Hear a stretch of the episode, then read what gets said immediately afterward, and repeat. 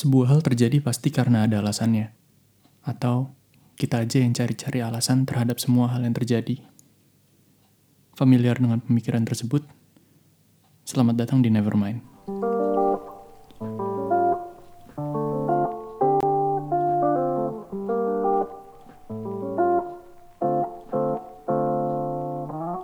Kita nggak pernah tahu apa yang udah direncanakan semesta untuk kita banyak hal yang terjadi di quarter 1 2020 ini. Dari bulan Januari sampai bulan April kemarin tuh cukup menampar kita dan memaksa kita untuk belajar dengan cara yang sangat keras. Mulai dari bencana yang bertubi-tubi hingga kehilangan orang-orang yang kalian sayangi. Dan dari sekian banyak hal yang terjadi itu, ada yang saling menyalahkan, ada yang akhirnya berkaca pada diri sendiri tentang apa yang udah dia lakuin, dan ada juga yang berusaha untuk selalu berpikir optimis bahwa hal-hal yang terjadi ini pasti ada sebab dan alasannya. Kalau kalian dengar opening tadi, pernah nggak sih kalian mikir kayak gitu? Kita beberapa kali kan sering dengar tuh, kalau sesuatu itu terjadi pasti karena ada alasannya, pasti ada hal baik di belakang nanti yang akan ditunjukkan dengan adanya kejadian kayak gini. Misal kalau kita mau ambil contoh kasus kayak gini deh, posisiin kalian sebagai pekerja kantoran. Kalian mau berangkat ke kantor naik kereta, kalian ngejar kereta jam 7 pagi karena kalian harus ngisi presentasi. Ketika kalian jalan ke stasiun dari rumah, ternyata materi presentasinya ketinggalan di rumah. Jadi kalian terpaksa harus pulang dulu untuk ngambil materi tersebut. Ketika kalian sampai rumah, kalian melihat jam dan kayaknya nggak kekejar nih untuk naik kereta ke kantor. Akhirnya kalian pesan ojek online dan berangkat dari rumah direct ke kantor. Ternyata bener, sampai kantor kalian nyampe tepat waktu. Nggak telat lah, nggak tepat waktu deh. Kalian nyampe kantor tidak telat dan bisa mengisi presentasi pada pagi itu. Kemudian kalian ngecek handphone, terus ngecek di kolom berita, ternyata kereta yang jam 7 pagi tadi itu mengalami gangguan. Dan kalau kalian ada di atas itu, kalau kalian ada di dalam kereta itu, pasti kalian nggak akan nyampe kantor tepat waktu dan pasti presentasi itu nggak akan berhasil kalian bawain. Akhirnya kalian bersyukur, kalian nggak naik kereta itu, kalian jadi berpikir bahwa oh ini alasannya ternyata kenapa gue harus pulang dulu ngambil materi presentasi. Ini alasannya kenapa gue diingatkan dengan materi presentasi tersebut. Kalian berusaha berpikir positif gitu loh. Ada hal lain yang ingin ditunjukkan. Atau sebenarnya sebuah kejadian terjadi, ya udah terjadi aja nggak ada alasan spesifik. Kalau ngacu ke cerita yang tadi, ya kalian itu terhindar dari kereta, ya cuma karena kalian ceroboh aja. Kalian ninggalin materi presentasinya di rumah sehingga kalian terpaksa harus pulang lagi. Terus naik ojek, akhirnya sampai di kantor gitu loh. Kalian tidak berpikir bahwa, oh ternyata ini gue ditunjukkan kenapa gue harus pulang dulu, ternyata kereta ini terlambat dan lain-lain. Mungkin sebagian orang ada juga yang berpikir kayak gitu kali ya. Tapi sebenarnya baik ada atau enggak adanya alasan di balik semua kejadian itu, selalu ada hal yang bisa diambil menurut gue. Even yang kedua tadi dengan tidak adanya alasan, ya kalian bisa belajar untuk lebih tidak ceroboh. Jadi itu sebuah pelajaran buat kalian untuk mempersiapkan segala sesuatunya lebih matang di hari sebelumnya. Jadi besoknya tuh nggak terburu-buru dan akhirnya nggak telat. Cerita ini sebenarnya mirip dengan topik yang mau gue angkat hari ini, itu terkait dengan Nova Effect. Mungkin sebagian dari kalian udah ada yang pernah dengar Nova Effect, atau sebagian juga ada yang belum. Buat yang belum, kurang lebih Nova Effect ini mengilustrasikan bahwa segala sesuatu yang buruk itu terjadi karena ada hal lain yang ingin ditunjukkan. Jadi beberapa hari kemarin gue sempat nonton video di YouTube itu terkait dengan Nova Effect. Kalau ada yang udah nonton mungkin bisa uh, dengerin lagi di podcast ini atau kalau yang belum nonton bisa ke channelnya Pursuit of Wonder. Di situ ada tuh video tentang Nova Effect. Atau kalau kalian nggak mau nonton videonya gue ceritain aja singkatnya kali ya. Jadi singkatnya di video itu ada seorang pria yang lagi berjalan di taman sama seekor anjingnya. Jadi si anjingnya ini dituntun gitu di pakai tali yang buat apa nemenin anjing jalan gitu. Dan pas lagi jalan tiba-tiba anjing ini ngelihat seekor kelinci dan secara tiba-tiba anjingnya lari ngejar kelinci tersebut dan si talinya ini lepas dari anjingnya. Akhirnya si pria ini lari ngejar anjingnya, tapi anjingnya lari jauh lebih cepat dari si pria ini. Akhirnya anjingnya hilang, nggak tahu ke mana. Si pria ini bingung gitu kan. Akhirnya pria ini bikin sebuah poster, nunjukin kalau dia kehilangan seekor anjing.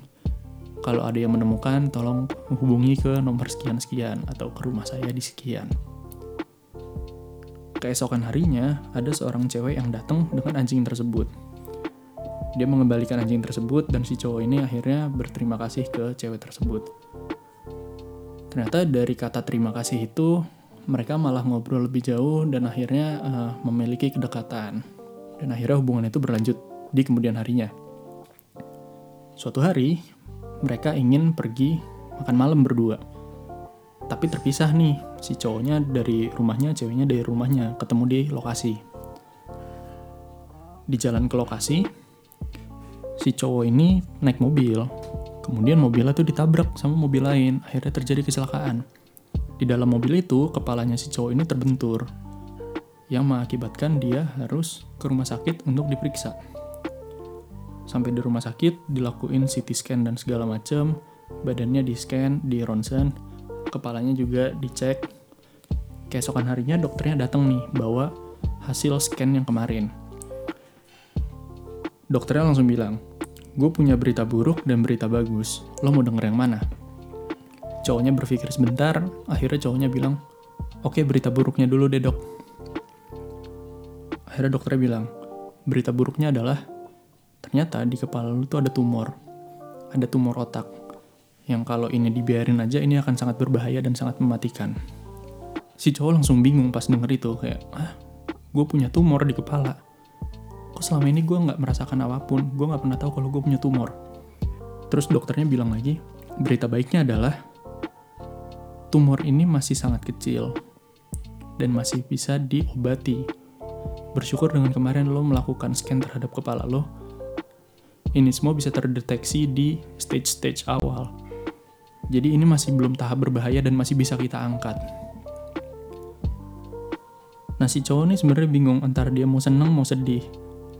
Mau sedih bahwa ternyata dia punya tumor, mau seneng karena tumornya pun uh, ada kemungkinan untuk diangkat dari kepalanya dia. Nah ini sebenarnya yang dinamakan dengan tragedy of good luck. Jadi ketika kalian menganggap sebuah kejadian itu sial, ternyata di belakang sana, di kejadian mendatang, itu menjadi sebuah keberuntungan buat kalian. Kalau kita telah lagi nih cerita yang tadi, kita lihat gambar besarnya, kalau aja dia nggak kecelakaan, tumor ini nggak akan ketahuan. Dan kalau ditarik lagi ke belakang, kalau waktu itu dia nggak ngajak makan si cewek, kecelakaan ini nggak akan ada. Dan kalau anjingnya nggak hilang pada waktu itu, dia nggak akan kenal sama ini cewek dan nggak akan ada makan malam ini. Jadi dari perkara anjingnya hilang, ternyata muncul rentetan kejadian yang menunjukkan bahwa dia memiliki sebuah tumor yang kalau ternyata nggak terdeteksi sampai stage-stage belakangan, itu akan sangat berbahaya buat diri dia. Nah, sering kali kan kita terlalu cepat menilai terhadap sebuah hal ya, baik itu hal baik ataupun hal buruk. Padahal kalau kita lihat gambar besarnya lagi, kita bisa berpikir lebih jauh. Ada sebuah kutipan yang bilang, For something so good to be bad, and for something so bad to be good. Ternyata sesuatu hal yang baik menurut kita itu ya bisa jadi buruk, dan sesuatu yang buruk juga bisa menjadi baik. Misalkan kalian punya pasangan nih, udah berjalan beberapa lama, kemudian di suatu masa kalian putus. Di satu sisi kalian pasti akan merasa sesuatu yang buruk lagi terjadi pada kalian. Kalian akan ngerasa sedih, kalian akan ngerasa kehilangan, ngerasa ada yang janggal karena biasanya tiap hari ada yang ngechat, ada yang nanyain, walaupun cuma sekedar nanya lagi apa, atau udah tidur atau belum, gitu-gitu. Akhirnya waktu berjalan beberapa lama setelah kalian putus, kalian kembali ngebuka hati kalian untuk orang lain, dan kalian baru ditunjukkan seseorang yang lebih worth, seseorang lebih mengerti kalian, atau bahkan kalian menemukan pasangan hidup kalian. Coba kalau kita lihat lagi secara keseluruhan gitu kan. Mungkin kalian gak akan ketemu sama pasangan hidup kalian kalau waktu itu kalian gak putus. Ya atau mungkin sebenarnya bisa ketemu, tapi kalian gak bisa jalin hubungan karena terikat dengan hubungan yang lain. Tapi ketika kalian udah putus waktu itu dan ditunjukkan si orang ini, akhirnya kalian bisa menjalin hubungan. Kalau aja waktu itu kalian gak putus, mungkin kalian akan terus-terusan ribut. Kalau kalian gak ribut, kalian akan terus ngebatin karena disakitin satu sama lain. Jadi di setiap kejadian-kejadian sedih yang kalian alamin itu, ternyata di belakang sana ingin ditunjukkan sesuatu hal yang lebih baik nantinya. Dan selama masa-masa kesedihan itu ya kalian merefleksikan diri gitu loh. Apa yang udah kalian lakukan emangnya? Apa yang sekiranya bisa kalian perbaiki ke depannya? Atau ya itu sebenarnya cuma cara lain dari semesta untuk menunjukkan bahwa dia nggak worth it. Dan jelas bahwa ini semua nggak akan bisa langsung diterima. Dalam setiap keadaan-keadaan buruk yang terjadi itu, pasti emosi kita yang akan berperan lebih besar. Kalian akan merasa jadi orang yang paling sial, jadi orang yang tidak beruntung. Tapi balik lagi, itu pilihan kalian untuk berlarut dalam penyesalan apa enggak. Kadang nggak ada orang lain yang bertanggung jawab atas situasi kalian, kecuali diri kalian sendiri. Karena cuma kalian yang bisa ngontrol diri kalian kalian yang bisa tahu bagaimana sebuah emosi itu diatur dan juga disalurkan. Haruki Murakami juga pernah bilang bahwa pain is inevitable.